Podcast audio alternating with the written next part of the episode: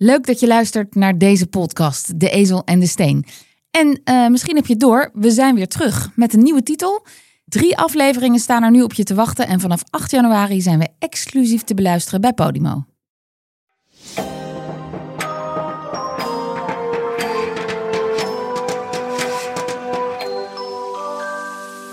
Dit is De Tijd zal het leren. Een podcast over gebeurtenissen van vandaag die schreeuwen om een vergelijking met gebeurtenissen uit de geschiedenis. Ik ben Lisbeth Staats, journalist, en ik zit hier met twee specialisten en liefhebbers aan tafel. Tim Jacobs, historicus en leraar geschiedenis in Heemstede.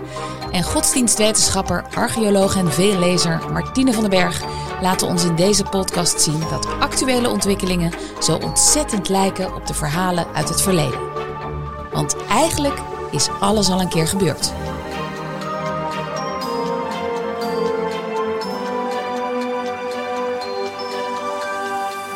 Met vandaag sportswashing. In november 22 vindt in Qatar het WK voetbal plaats. Qatar, waar tijdens de bouw van onder andere de stadions volgens mensenrechtenorganisaties al meer dan 6500 arbeiders om het leven kwamen.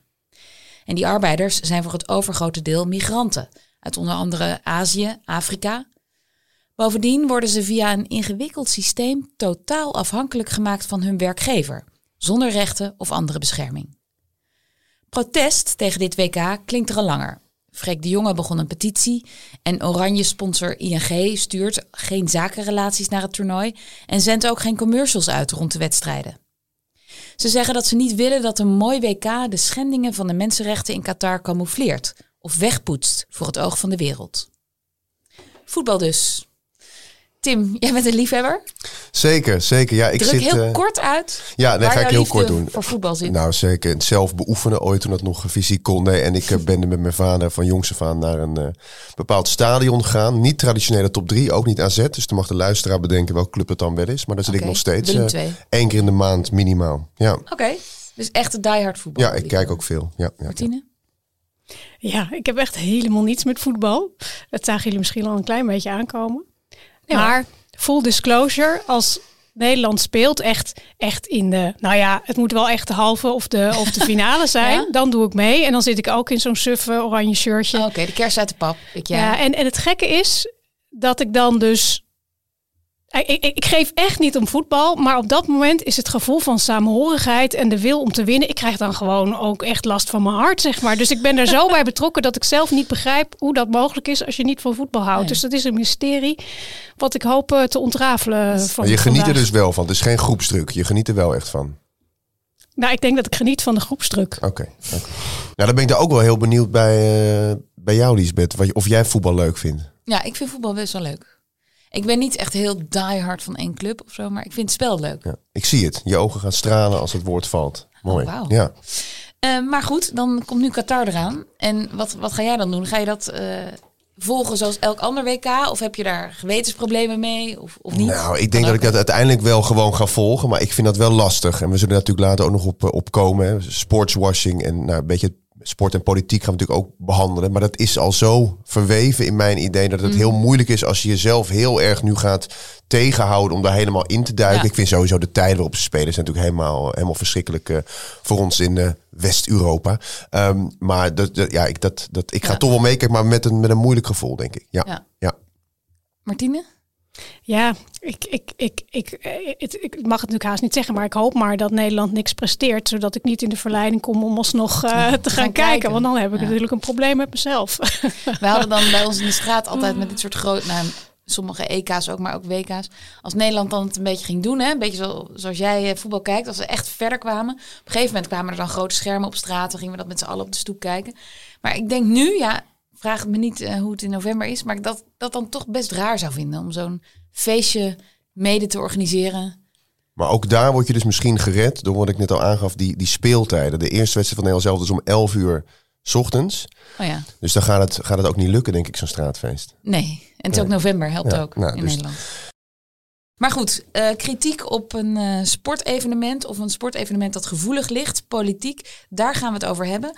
Ehm, Martine, wat is precies de definitie van sportswashing? Ja, kort gezegd is sportswashing het sponsoren of het promoten van een sportevenement om daarmee de aandacht af te leiden van een slechte reputatie of een controversieel beleid. Nou, dat is vaak een overheid hè, die dat doet. Dus die ofwel het sportevenement echt organiseert of financiert. Ehm, en je ziet dat dat vaak gebeurt in landen waar mensenrechten schendingen plaatsvinden of corruptieschandalen, die dus uh, daarmee um, worden weggepoetst. En je denkt, ja, die zijn er natuurlijk nog steeds. Mhm. Maar doordat het land uh, zo'n evenement perfect plant en prachtige gebouwen neerzet en fantastisch transport regelt en de straten oppoetst en alle bedelaars um, in een hotel stopt of waar ze dan ook terechtkomen.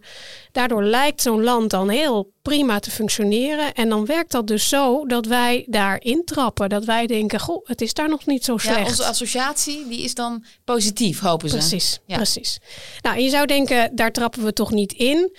Um, maar één element uh, spreekt daar toch wel voor. Kijk, zo'n zo'n zo'n sportevenement kost natuurlijk ongelooflijk veel geld. Daar gaat, uh, daar, daar, gaat, uh, dat, dat, kost soms wel, wel miljarden. miljarden. Um, en wat opvallend is, is dat westerse landen eigenlijk de laatste 10, 15 jaar helemaal niet in de rij hebben gestaan om zoiets te organiseren. Doen een beetje halfhartig mee. Maar meestal uh, zijn het de uh, ofwel relatief corrupte landen of arme landen of allebei die deze uh, evenementen willen organiseren. ja, organiseren zijn. En inmiddels is ook gebleken uit heel veel onderzoek dat zo'n evenement helemaal geen geld opbrengt. Hè. Dus vroeger zei men nog van ja, maar dan komt er meer toerisme en dan heb je inkomsten van reclame en dan dan dan dan dan stadions betaalt die trekken weer andere evenementen aan. Dat betaalt het zichzelf uit. Het is een investering in de toekomst. Nou, inmiddels weten we al lang dat dat gewoon echt niet het geval is. Dit dat krijg je er gewoon niet uit. Dus waarom doen ze het toch? Ja, het enige antwoord daarop is dus sportswashing. Imago. Het is dus blijkbaar nog steeds de moeite waard om zoiets te organiseren, omdat het dus werkt. Ja, dus, dus de sport wordt aangegrepen om een soort uh, reclamefolder van het land neer te zetten. Exact. Sportswashing is niet nieuw, dat is van alle tijden. Um, ja, heel recent al, uh, denk ik. Hè? Nog 2014, Sochi. We kennen allemaal nog de foto met uh, Willem-Alexander en Maxima en Poetin. Daar was toen al heel veel om te doen. Van moet hij daar nou wel gaan, uh, gaan zitten? Want dat was ook het jaar van de Krimoorlog, toch? Dat Poetin de Krim Vlak daarna. Volgens mij is dat net Krim was, ja, weet ik eigenlijk wel zeker. De Krim was net na die Olympische Spelen. En dat is eigenlijk hetzelfde met wat we nu zien. Dat uh, nu die inval uh, in Oekraïne direct plaatsvindt na de uh, Olympische Spelen in, in China. De Winterspelen in China. Waarbij ah, hij ook hè, aanwezig was. volgens mij, of in ieder geval, hij houdt, onderhoudt natuurlijk redelijk oké banden met met, uh, met de Chinese leider. Um, dus daar zit, wel, daar zit wel een bepaalde uh, parallel in. Maar goed, toen vonden we daar al iets van. Um, 2008 Peking ook. Ja, volgens mij was de reden dat er toen heel veel ophef was over de, de deelname van, of en ook het bezoek van, van de koning, was, uh, was de gay rights. Hè? Dus Poetin had toen al, was toen al behoorlijk um, aan het ageren tegen alle mogelijke homorechten in Rusland. En het feit dat wij dus daaraan meededen, zou dat sanctioneren. En daar was, daar was de kritiek op. Maar dan zie je dus wel gelijk hoe goed het dan werkt. Want hij heeft dus gratis en voor niks. Dan moeten we misschien de rol van Willem-Alexander in het politieke speelveld niet overschatten. Maar hij heeft natuurlijk gratis en voor niks een leuke foto met de koning koningin van een uh, prima welvarend land in, uh, in West-Europa. Dus dat is uh, nou ja, prima PR lijkt me in, het, in je eigen land. Ja. Precies dat. Het, het biertje met Poetin. Dat wordt, die foto komt nu ook weer terug trouwens tijdens de Oekraïne-oorlog. Ja, wat, wat op foto staat, blijft op foto natuurlijk. Daar komt hij nooit meer, eh, daar komt hij nooit meer onderuit. Nee. nee. Maar de vraag is, sportswashing, waar doet je dit aan denken? Aan heel erg veel dus. Maar Martine, jij denkt ook aan heel, heel veel langer terug in de tijd. Ja. De oudheid. Ja, zeker. En dat is ook echt uh, een van mijn favoriete onderwerpen. Want ik ben ooit uh, afgestudeerd op uh, publieke bouwwerken in, in Judea in de eerste eeuw. En publieke bouwwerken, dat waren dus vaak bouwwerken waar sportsevenementen plaatsvonden. Um, de Romeinen waren echt dol op sport. Of misschien moet ik zeggen dol op evenementen. Uh, maar die aandacht voor sport die kwam eigenlijk van de Grieken. De Grieken dit waren echt mensen die het heel belangrijk vonden dat het lichaam ook aandacht kreeg. Dat je er goed uitzag. Vooral de mannen, hè, het was echt een masculine aangelegenheid. Uh, die organiseerden niet alleen de Olympische Spelen die we allemaal kennen, maar ook een heel groot aantal andere grote toernooien. Uh, waar mensen deden aan um, hardlopen en wagenrennen en noem het allemaal maar op. Boksen, speerwerpen, discuswerpen. Nou, fijn. Dat waren allemaal uh, sporten die eigenlijk afkomstig zijn van het slagveld. En dit is ook een belangrijk punt, ook, ook later, dat over de vraag, heeft sport met politiek te maken? In, in, in Griekenland betekent het woord agon, betekende wedstrijd en slagveld. Dus ah. feitelijk was strijden hè, in sportieve context was oorlog zonder wapens. Gestileerde dus, versie van uh, precies. het slagveld. Dat was het, het, het, het, competitieve was belangrijk, winnen was belangrijk en het patriotisme was belangrijk. Want je won omdat je uh, het beste wilde zijn voor je eigen eer, maar vooral ook voor de eer van je stad, hè, de stadstaat. Um, nou, komen de Romeinen. Die Romeinen die, um, die vinden dat wagenrennen ook prachtig. Die vinden het vechten prachtig.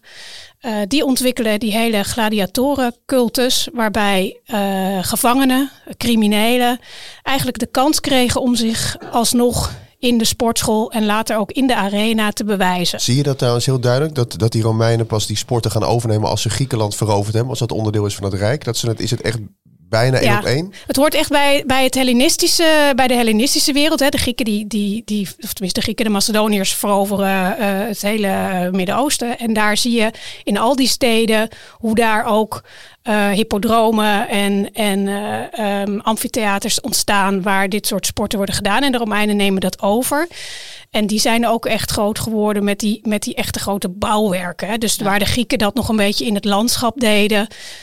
Um, overigens waren er ook wel, wel gebouwen, maar niet zo monumentaal als de Romeinen. De Romeinen maakten er echt een business van. Dus hier is niet alleen politiek een factor, maar ook geld wordt een hele grote factor. Zijn ze in die zin vergelijk met de Qatari, dat daar dus ook veel mensen onder slechte omstandigheden van die grote Colossea stonden te bouwen? Of denk je dat dat qua ja, uh, uh, zeker.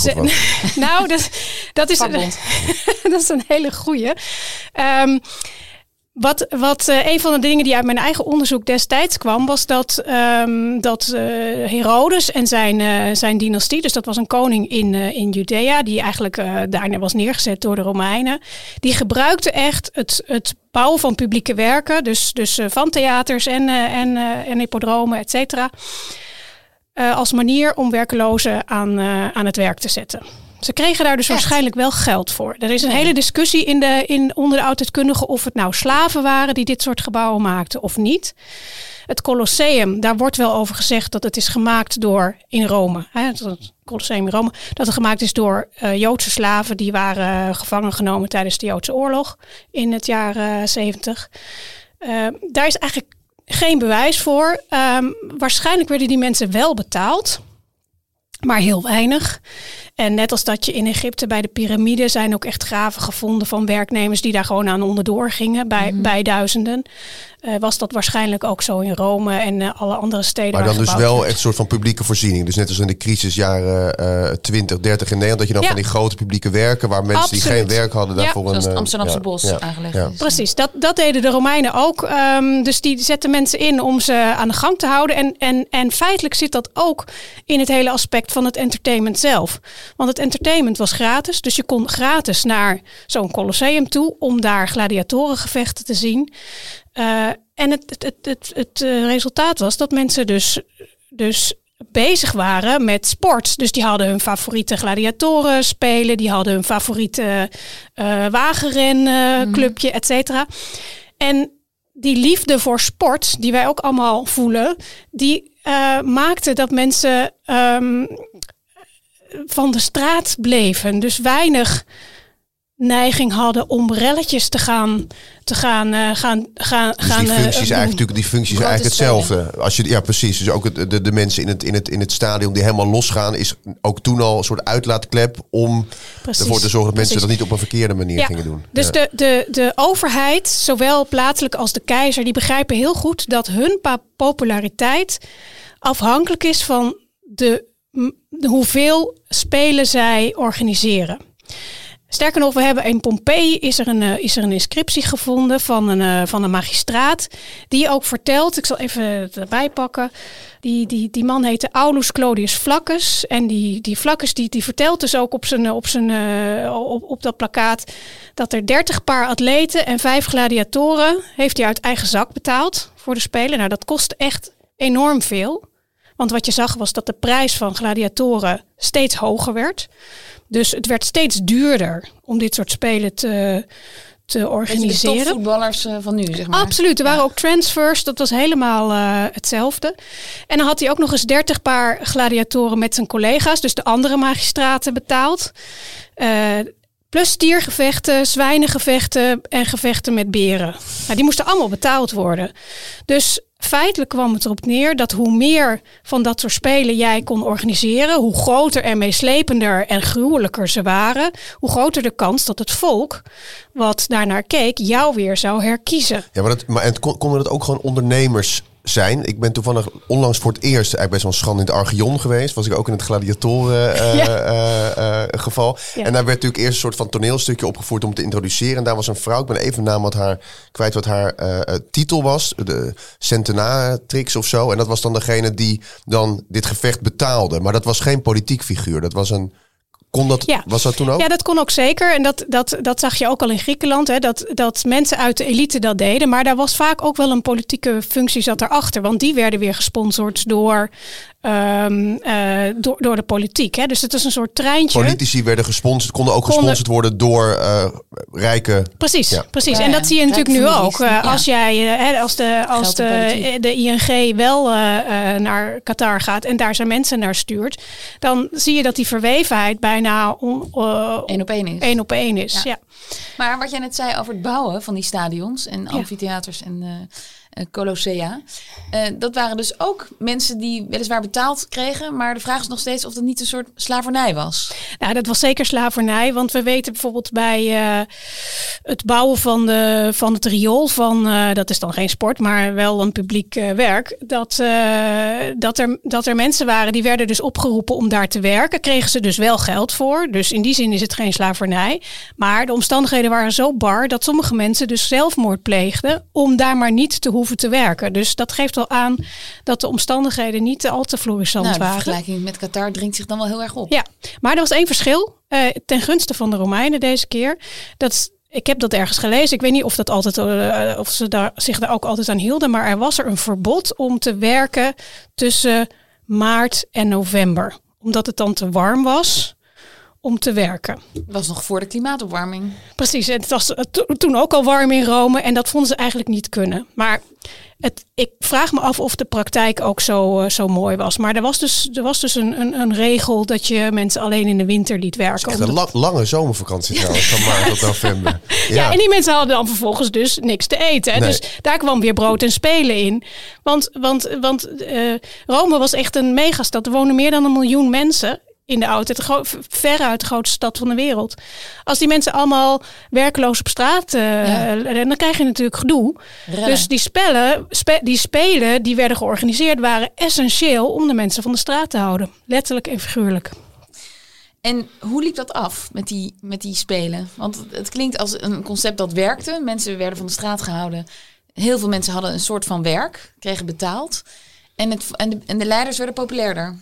Ja, nou ja, wat je ziet, uh, dat, is dat ik heb ooit eens een, uh, een cursus onderzoeksjournalistiek gedaan en uh, daar leerde ik follow the money. Mhm. En dat is hier eigenlijk ook relevant. Um, op een gegeven moment zie je dat die spelen steeds duurder en duurder en duurder worden. Hè. De transferkosten worden hoger, het wordt duurder om dingen te bouwen. En in de derde eeuw na Christus ontstaat er een soort crisissituatie in het Romeinse Rijk. Je hebt aan de ene kant de, bar, hè, de barbaren tussen aanhalingstekens die, die steeds aan de grenzen morrelen. Uh, maar je hebt ook een grote epidemie halverwege die, uh, die leidt tot heel veel um, economische terugval. de prijs van zilver, de zilver wordt een beetje aangelinkt. Dus je ziet dan dat het moeilijker wordt om um, die spelen te organiseren. Een van de dingen die ze doen, die, die gouverneurs die dus nog steeds populair willen zijn, is bijvoorbeeld het inzetten van gewone gevangenen. Dus niet meer gladiatoren, maar gewone gevangenen. En die worden dan op een gruwelijke manier geëxecuteerd. Nou, dat, de, op een gegeven moment uh, worden daar ook christenen, hè, die worden dan vervolgd, die worden daar ook voor ingezet. In 177 in Lyon bijvoorbeeld. Hè, die worden speciaal opgepakt, op de pijnbank gelegd. Die bekennen van alles en nog wat, worden geëxecuteerd tijdens de Spelen. En waarom? Omdat de gouverneur geen geld had om echte gladiatoren te betalen.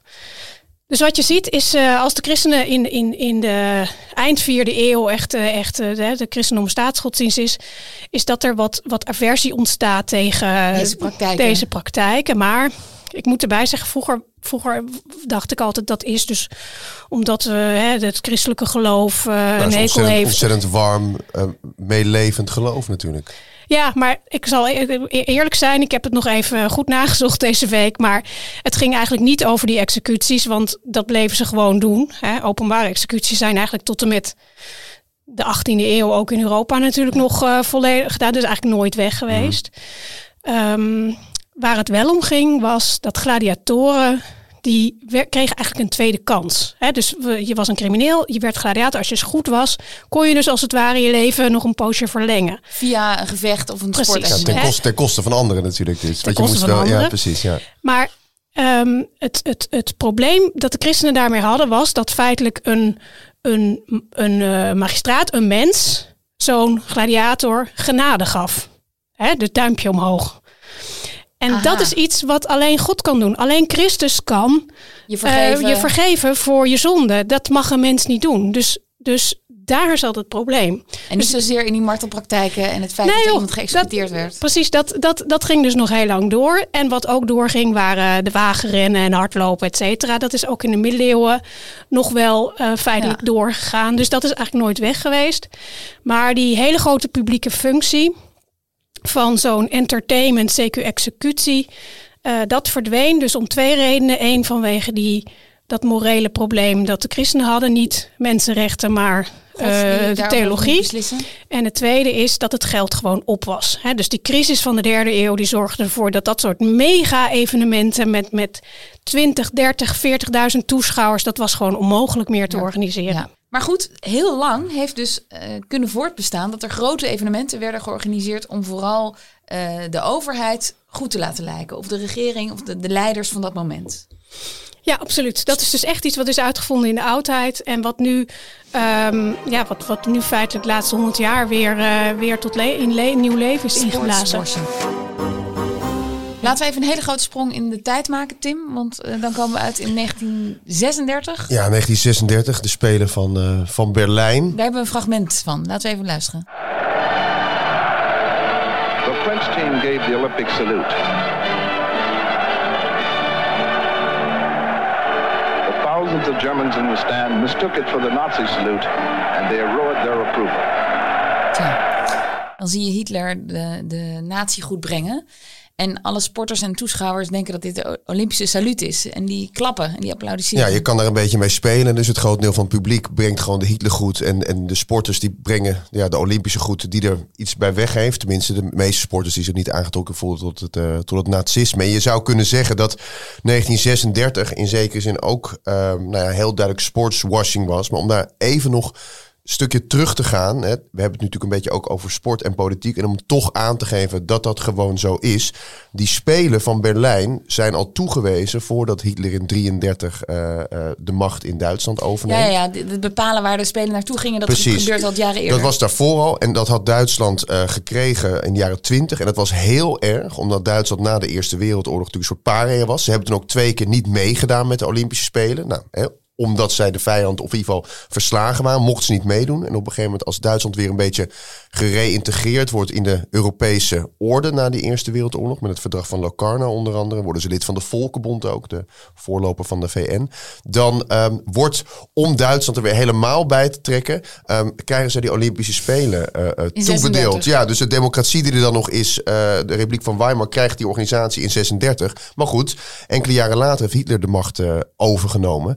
Um, en dan gaan de naties dat, die Olympische Spelen, daar ze kijken ze eerst een beetje wijfelend tegenaan, omdat de Olympische gedachte, het internationalisme, um, haak staat op de natie-ideologie. Ja, nou ja, verbroeding, maar vooral het internationalisme. Hè, want het was hè, het idee van de Coubertin, komen misschien nog later op, was natuurlijk hè, alle landen samen, verbroedering, internationaal. Duitsland, nationaal socialisme, heel erg nationalistisch. Alles wat internationaal was, was of Joods of Marxistisch. Het was de vijand. Dus eigenlijk past die Olympische gedachte helemaal ze dachten, niet. Wat moeten we daarmee met dat evenement? Ze begrepen er niks van. Uh, Hitler vond uh, sporten als basketbal en andere dingen, dat vond hij echt uh, Anglo-Saxische bullshit. Het ging, het, ging, het ging in Duitsland eigenlijk alleen maar over turnen. Hè. Dat, het lichaam moest, eh, moest sterk zijn. Dus dat heeft wel echt een beetje, ik kan niet in zijn bovenkamer eh, eh, kijken, maar dat, heeft, dat, dat moet binnen die natiepartij een heel nou ja, moeilijk ding geweest Ja. zijn. Op een gegeven moment heeft denk ik iemand geroepen, ja wacht, we moeten dit wel doen, want we kunnen onze naam hiermee eh, ontzettend hoog houden. Ehm, en dat gaan ze ook eh, doen.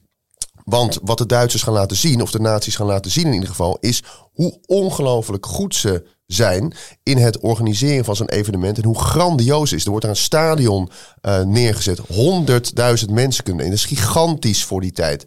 Eh, er, wordt, er komt een buitenzwembad met stadion. 20.000 plekken. Atleten weten niet wat ze zien. Al de ideeën van eh, Olympisch dorp en goede faciliteiten voor atleten. Er is een waanzinnig boek over deze spelen door Auke Kok geschreven. En met name vanuit de Nederlandse, Nederlandse inbreng. En wat die atleten daar zien, dat zijn ze in Nederland helemaal niet gewend. Wat daar aan faciliteiten Ja. en dingen zijn. Wat natuurlijk moeilijk is, is dat heel veel eh, eh, buitenlanden, Amerika, Nederland, natuurlijk eigenlijk zeggen: ja, moeten we dit wel doen? In 1935 zijn de rassenwetten. Want, ja, precies. Want, want 1936, wat voor soort jaar was dat? Nou, dan is Hitler is in 33 aan de Ja. macht gekomen. Nou, dan is al wel heel duidelijk hè, eh, dat een heleboel groepen in de samenleving niet welkom zijn in die, in die nazi-samenleving. Vanaf 35 heb je echt die rassenwetten. Dus dan beginnen er in, in, in Berlijn en in, in Duitsland bordjes te staan met voor Joden verboden. Joden mogen ook geen lid meer worden van, van sportclubs. Nou, dat klopt natuurlijk niet in die internationale Olympische eh, gedachten. Gedachten. Dus daar is heel veel kritiek op. Eh, onder andere de voorzitter van de Amerikaanse Atletiek Federatie, die heel belangrijk zijn. Amerika wint eh, jaren daarvoor altijd de meeste medailles. Belangrijk land, met name atletiek. Gaat naar Berlijn en laat zich daar eigenlijk zien van nee, het valt wel mee. Want die bordjes zijn dan even weggehaald vlak voor die zomerspelen. En de winterspelen ook in eh, Duitsland in Garmisch-Partenkirchen. Dus daar gaan ze dan kijken. Al die bordjes zijn weggehaald. Joden schijnen gewoon mee te mogen doen. Het is een beetje onduidelijk. Dus daar, daar ja, dat, dat echt was je gewoon laten zien, dit gaan we niet doen. En tijdens die spelen zijn dus ook al die bordjes van eh, verboden door Joden, verboden voor Joden of dat niet mee mogen doen, zijn weggehaald. Sterker 36 nog, heb je het nu over, Ja, ja? ja? Ja, sterker nog, ehm, er is een uh, atleet, een heleboel Joodse sporters wilden en mochten ook uiteindelijk niet meedoen hoor. Maar er is een hele goede, eh, ehm, eh, moet ik even nadenken of nou een turnster of een, nee een schermster, sorry. Een schermster. Ehm, Je hebt haar eh, naam eh, opgeschreven. Helene Meyer, ja, die is een zogenaamde Micheling. Dus die heeft één Joodse eh, ouder. Maar die is zo eh, eh, goed. En de kans is zo goed dat ze gaat winnen. Bovendien ziet ze er heel arisch uit. Dat zij eh, bij hoge uitzondering. En ook wel interessant dat ze zelf heeft gekozen om mee te doen. eh, uiteindelijk meedoet. En ook eh, eh, goud wint eh, voor Duitsland. Ja. Zil- zilver volgens mij. Zilver. Nou, in ieder geval, Duitsland was zilver en goud. Zou, zou, zou Zij kunnen. heeft eh, zilver gekregen. En bij die, eh, dat, dat plaatje, dat staat ook echt. eh, dat, dat is een, een, een, een, moeilijk plaatje om te zien. Want je ziet ook dat zij als Duitse, Duitse de- deelnemster ook de Hitler goed geeft. Als ze dus daar op dat podium staat. Ehm, Maar- terwijl de andere sporters dat dus niet doen, omdat ze niet Duits zijn. En dan zegt ze later, ja, dat moest gewoon. Ik had gewoon geen enkele keus. Maar dat is wel Is zij daarna, is te daarna gevlucht? Of is ze, weet je dat? Eh, ja, volgens mij, eh, ze woonde al in de US. Dat was het gekke. Ze woonde al in de Verenigde Staten en ze is hiervoor teruggehaald. En, en, en, En ze eh, komt wel weer terug daarna. En ze is dus blijkbaar wel teruggegaan. Ja, maar ze is wel vrij eh, snel daarna, of vrij snel, ik, ik weet niet precies, de jaren 60 of zo overleden. Maar het- ze heeft het niet makkelijk gehad, want er is haar veel verweten. Maar 1936, eh, Hitler was al aan de macht. Joden waren niet welkom. Waarom ging Nederland, even kort door de bocht, waarom ging Nederland überhaupt daarheen? Nou, ik denk dat twee eh, redenen voor zijn. Niet iedereen is meegegaan. Dus op een gegeven moment heeft het NOC eh, gezegd, wat toen al bestond, we gaan. Eh toen zijn er twee afzonderlijke sportbonden geweest, dat mocht ook. Die hebben gezegd, wij gaan niet. Dat was on- onder andere de, de, de krachtsportbond met gewichtheffen. Dat kwam ook omdat daar veel Joodse beoefenaars waren. En de voorzitter van die bond was overtuigd communist. Dus die had daar sowieso geen zin in. Ehm, en de turnbond gaat uiteindelijk niet.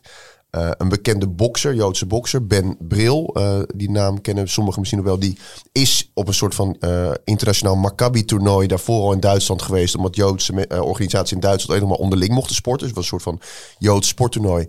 Ehm, en die besluit ook zelf, omdat hij gezien heeft hoe het daar is. Hè, want dan zet ik niet al die bordjes weggehaald. Dan merkt hij hoe het is. Die besluit ook niet te gaan. Maar een heleboel bonden op een op een paar individuen na eh, eh, gaan wel. En vaak krijgen die individuen, zeker als ze medaillekansen hebben... en ze dus vanuit principieel, principieel standpunt niet gaan...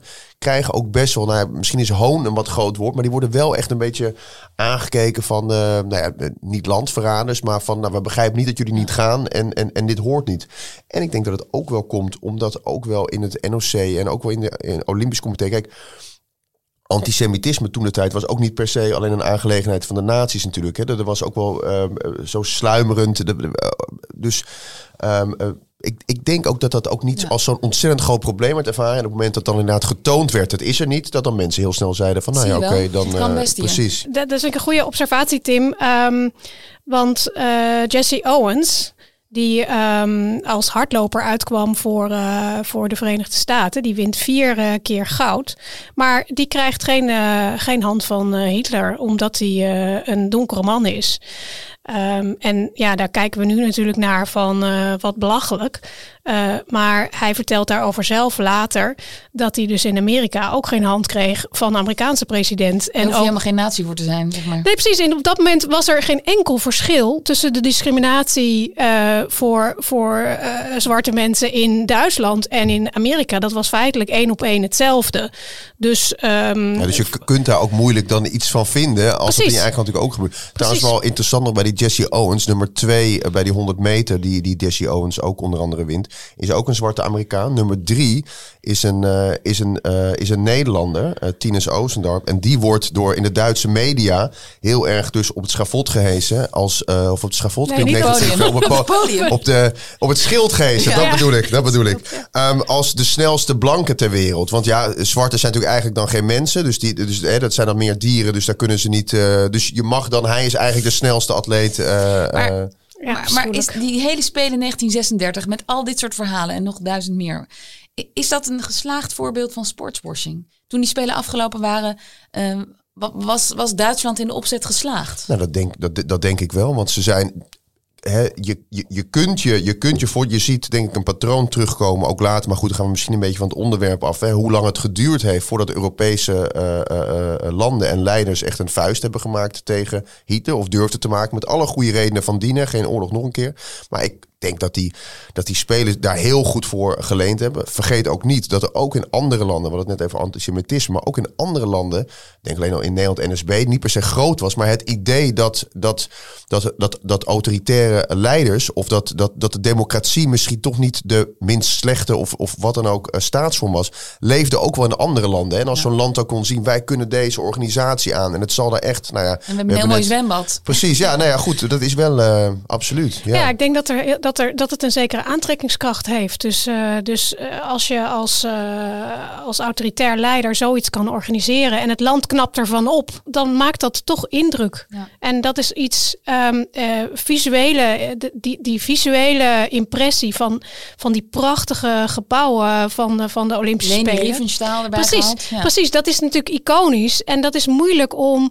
Ik, ik kan me, tenminste, achteraf is het afschuwelijk en, en moeilijk om naar te kijken. Maar ik kan me voorstellen dat dat in de jaren dertig enorm veel indruk heeft gemaakt op de wereld. Dus ik denk dat, dat, eh, dat, eh, dat ze daar heel goed in geslaagd zijn. En hoe zal het nu met Qatar gaan? Hoe gaan, daar, gaan daar wordt gewoon gevoetbald. Nog geen land heeft zich eh, teruggetrokken. Nou, ik vind wel die eh, waar je net over eh, in, je, in je inleiding over had. Het feit dat ING geen mensen stuurt, geen tv-spotjes gaat maken, vind ik al En best meer een. sponsors, volgens ja, mij, ja. ja. KPN, tenminste, die gaan in ieder geval niet naartoe. Meer sponsors Ja. van, van, van Nederlands elftal. Eh, KPN, eh, eh, Albert Heijn, dat soort bedrijven, die eh, gaan in ieder geval geen mens duwen. En ik vind dat, ja, goed, je kan daarvan zeggen, ja, het is, het, is, het is makkelijk. Maar ik vind met name dat niet uitzenden van die tv-spotjes, vind ik echt een statement. Je ziet ook dat er steeds meer ruimte is, ook voor mij, eh, eh, voor sporters, om binnen bepaalde eh, eh, grenzen toch ook af en toe een politiek, eh, politiek statement te maken. Hè? Of in ieder geval een politiek-achtig statement. Denk aan, aan regenboogarmbanden op een gegeven moment en de eh, statement van het Nederlands elftal. Dan kun je allemaal zeggen, ja, we trekken een shirtje aan en we roepen wat over die arbeidsomstandigheden. Maar er wordt wel gezegd. Dus ik denk dat dat wel, dat dat wel een beetje aan het, eh, aan het Veranderen. vers- veranderen is. Ja, Ja, maar, ja, maar ja, of, of we zitten hier over 50 jaar en kijken terug op Qatar. Ja, dat, dan kunnen we misschien concluderen. Super goed gespeeld van die Qatari. Want eh, het was een heel mooi evenement. En ja, er waren wel wat kleine, eh, kleine protestjes. Maar het is gewoon doorgegaan. En Qatar heeft zich kunnen laten zien als een, als een welvarend land met alles tip-top in orde Nou ja, een, een, een, een mooi voorbeeld hiervan was eind vorig jaar toen ik vanuit chauvinisme ook lekker die Formule 1 aan het volgen was met, eh, met Max Verstappen. En dat eh, ehm, of Tim of Tom Coronel, daar wil ik even vanaf zijn, die zei tijdens de eh, Grand Prix van Saoedi-Arabië, toen daar aan tafel op de zender wat over gevraagd werd, die zei dus echt, nou ik dacht van, heb je onder een steen geleefd. Die zei, nou, maar het is toch fantastisch dat het hier is. Want dat land kan laten zien dat het in de vaart der volken zit. En het past echt bij de democratisering van Saudi-Arabië. Bijna zoiets zei ik. Toen dacht ik, nou ja goed, ik ken Tim of Tom niet. Dus ik weet niet hoeveel die het nieuws volgen. Maar toen dacht ik wel van, ho, ho, ho. Als jij al zo makkelijk zand in de ogen gestrooid krijgt. eh, Nou, ik moet nu denken aan Frank of Ronald de Boer. Nee hoor, Frank de Boer was het. En die zei op tv ook van ja, eh, meer dan 6000 doden bij de bouw van de stadions in Qatar.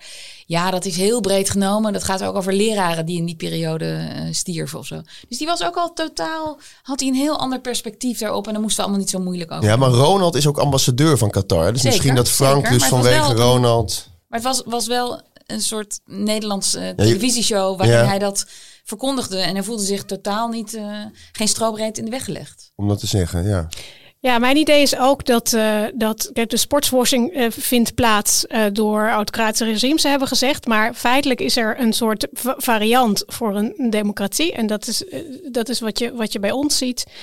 Ehm, mensen vinden sport nou eenmaal geweldig. En de meerderheid van Nederland wil natuurlijk gewoon graag dat we daar voetballen. Want dat geeft samenhorigheid en dat is hartstikke tof. En als we winnen is het helemaal te gek, et cetera. Da- daar kunnen we, dat, dat is zo belangrijk dat we daarvoor eh mensenrechten schendingen eh, niet zozeer goed praten, maar gewoon liever willen vergeten. Hè. Dus dat stoppen we in ons collectieve onderbewuste. De overheid en de sportsbonden, die zouden beter moeten weten. Maar die hebben een groot belang bij het laten doorgaan van dit soort processen. Want als jij als politicus eh, gaat roepen, we moeten niet eh, naar Qatar, dan verlies je gewoon eh, je achterban, je verliest je stemmers. Dus in een democratie zie je dat er toch een neiging is om met de meerderheid van, van dat wat, wat, wat mensen willen mee te lopen. En daarom vind ik het zo ongelooflijk interessant dat juist bedrijven nu degene zijn die wel de stap naar voren durven te nemen en, en, en durven te boycotten. Terwijl sportsbonden, politiek, eh, Achterblijven. eh, allemaal achterblijven. En dat heeft natuurlijk te maken met het feit dat, eh, dat we geen stemmen willen Nou, dat verliezen. was, dat was misschien ook wel een beetje een pijnlijke opmerking dan van, van Freek de Jonge, die jij ook al noemde. Die dus in 78 bij het WK in Argentinië een grote actie op gang eh, had gezet. 40.000 handtekeningen geloof ik. Ja, die want, had nu want weer dat vond plaats onder het regime van Videla. van Videla, bloed aan de paal, moeders. precies. Ja. En, eh, en, en, en ook heel veel over te doen. Trouwens ook een eh, WK vergelijkbaar met Olympische Spelen in Duitsland, dat al voordat Videla aan de macht was, was toegewezen aan eh, de regering van Perron, hè, van, eh, van, van Evita. Ehm, maar dat, dat Freek de nu zei, hij had nu 20.000 handtekeningen opgehaald in een tijd dat het eigenlijk makkelijker is, want je kan natuurlijk ook online kan je wat dingen doen. Maar hij zei, ik denk dat het meer bij mensen leeft. Dus dat we ons er meer van bewust zijn dat het misschien niet oké is. Maar dat mensen onverschillig worden omdat ze het idee hebben dat ze er toch niks aan eh, kunnen, doen. doen. Dat het toch niet Dat je machteloos verandert. bent. Ja. en dat vond ik wel een, eh een, een, Ja, een. Ja, ja. Ja. Ja. ja, en dan de, de kritiek. Dus, hè, dus, dus, dus de, de, ik, ik vind echt die bedrijven heel bijzonder. Eh, de, verder komt de kritiek natuurlijk vooral van eh, intellectuelen, van schrijvers die zelf niet zo heel veel aan sport doen. Hè, dus dat is al makkelijk praten. En in de praktijk eh, zie je dat eh, het, eh, het het, de positieve gevoelens die competitie, sport, eh, dat patriotisme dat het oproept, dat zijn zulke sterke emoties dat ik denk dat er voorlopig weinig gaat veranderen. Dit is trouwens ook in 36 in Nederland is dat, is dat ook zo. Er is op een gegeven moment een soort van protestbeweging, maar dat zijn ook allemaal intellectuelen en schrijvers en kunstenaars. Ja. Een comité ter bevordering van de echte Olympische gedachte heet het ongeveer. En die hebben op een gegeven moment een manifestatie, een concertgebouw. Maar er wordt helemaal geen rugbaarheid aangegeven, omdat er gewoon geen, ja, het zijn allemaal dit soort, eh, Dit soort eh, mensen. eh, eh, types. Ja, ja. Niet de sporters zelf. Nee, nee. Maar gaan we er dit keer wel iets van leren tot slot? Nou, ik, ik ben eh, niet zo heel eh, optimistisch. Ik denk dat het nog wel even doorgaat. Het enige is, eh, waar ik mijn hoop op heb gevestigd, is, is, is toch het geld. Als er geen geld meer is, en dat is precies wat er in de Romeinse tijd eh, gebeurt. Als het economisch eh, slechter gaat en grote sponsoren wegblijven bij sportswashing, dan heb je een kans dat het uiteindelijk niet meer zo interessant is voor dit soort regimes om, om zo'n toernooi te organiseren. Dus dat is de enige, de enige hoop die ik heb. Tot slot altijd iedere aflevering. eh, Tim, gebeurde er nog wat goeds in de klas bij jou? Werd je nog een beetje voor het blok gezet met een vraag of een opmerking? Eh, ja, nou, ik, ik word gelukkig vaak voor het blok gezet. Het zou stom zijn als ik altijd alle antwoorden zou weten. Dus dat is eh, fijn. Nee, eh, onlangs hebben we het nu ook onder andere over, over China. En toen stelde een de vraag van... hoe kan het nou dat al die mensen in de entourage van Mao... Hè, de grote dictator uit, uit de jaren 50, 60... dat, hij, d- dat hem nooit de waarheid werd gezegd. Waarom zijn er nooit mensen uit de inner circle van de, van de, van de grote dictators... die op een gegeven moment ook als dingen echt fout lopen... nooit, nooit zeggen waarom of Ja. nooit kritiek durven leveren. Ehm, ja, en dat, dat vond ik moeilijk. Ja, angst natuurlijk, maar dat vond ik, vond ik interessant. Daar had ze goed over nagedacht. Had ze goed over Goeie nagedacht. Ja. Ik moet denken aan Poetin. Nou ja, eh, eh, Ja. vergelijkbaar. Dus misschien dat we ook wel vanuit die manier in discussie... Goed, je ziet bij alle grote... Ja, nou ja, mogen we het Poetin al een dictator noemen? Van mij mag Ja, het. Oh, van Martine mag het. ik keur hem goed. fijn, dan doen we dat. Ja. Ja. Nou, die organiseren natuurlijk allemaal ja-knikkers om zich. Ja, ja, ja. En Martine, eh, ja, jij, jij citeerde al een, uit een eh, sportboek. Ja. Wat was het leukste wat je las deze week? Ja, nou, het was niet deze week iets eerder, maar ik moest eraan denken wel. Deze week, het is voorjaar en ik zag... Ik, ik, ik woon eh, tegenover een, een, een klein plantsoentje en ik zag daar... Ja, het is een soort van visuele symfonie eh, voltrekken. Hoe de blaadjes eer van, eerst van de schietwilgen groen werden. En daarna van de, van de, van de elzen. En daarna van, de, van struiken waarvan ik de naam niet weet. Maar in elk geval, het was echt een, een, een, een Explosie. Een, een explosie. En het ging ook één voor één. Waardoor het zich echt, echt als een soort muziekstuk eh, eh, ont, ontvouwde. En, en, en, en ik- ineens realiseerde ik me dat ik dat nooit had gezien. Als ik niet het boek van Richard Powers had gelezen. The Overstory. Overstory, dat is een boek dat is in 2014 uitgekomen. En ik heb het eh, nou ja, enige tijd geleden gelezen. En het heeft echt... Het is een van die boeken die, als je het gelezen hebt... dat je een ander mens bent. Ik, ik kijk nooit meer hetzelfde naar groen dan dat ik daarvoor deed. Het is- Mooi. is een boek dat gaat eh, over, ehm, over bomen. En eh, in het Nederlands heet het ook Tot aan de hemel. Ik heb het even opgezocht, een grappige, grappige vertaling.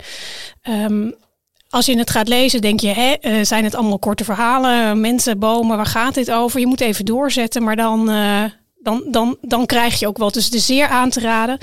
We zetten het Ehm, in de show notes. ja. het is niet een soort Jacques P. Thijssen dit. Nee, nee, het is, het is echt een verhaal over wat bomen met mensen doen. Oké. En eh, ik zou dat nooit zelf hebben gekocht. Ik kreeg het cadeau, ik heb het gelezen en ik was echt ehm, ja, getransformeerd. Ja, dus zeker een aanrader. Dit was De Tijd zal het leren.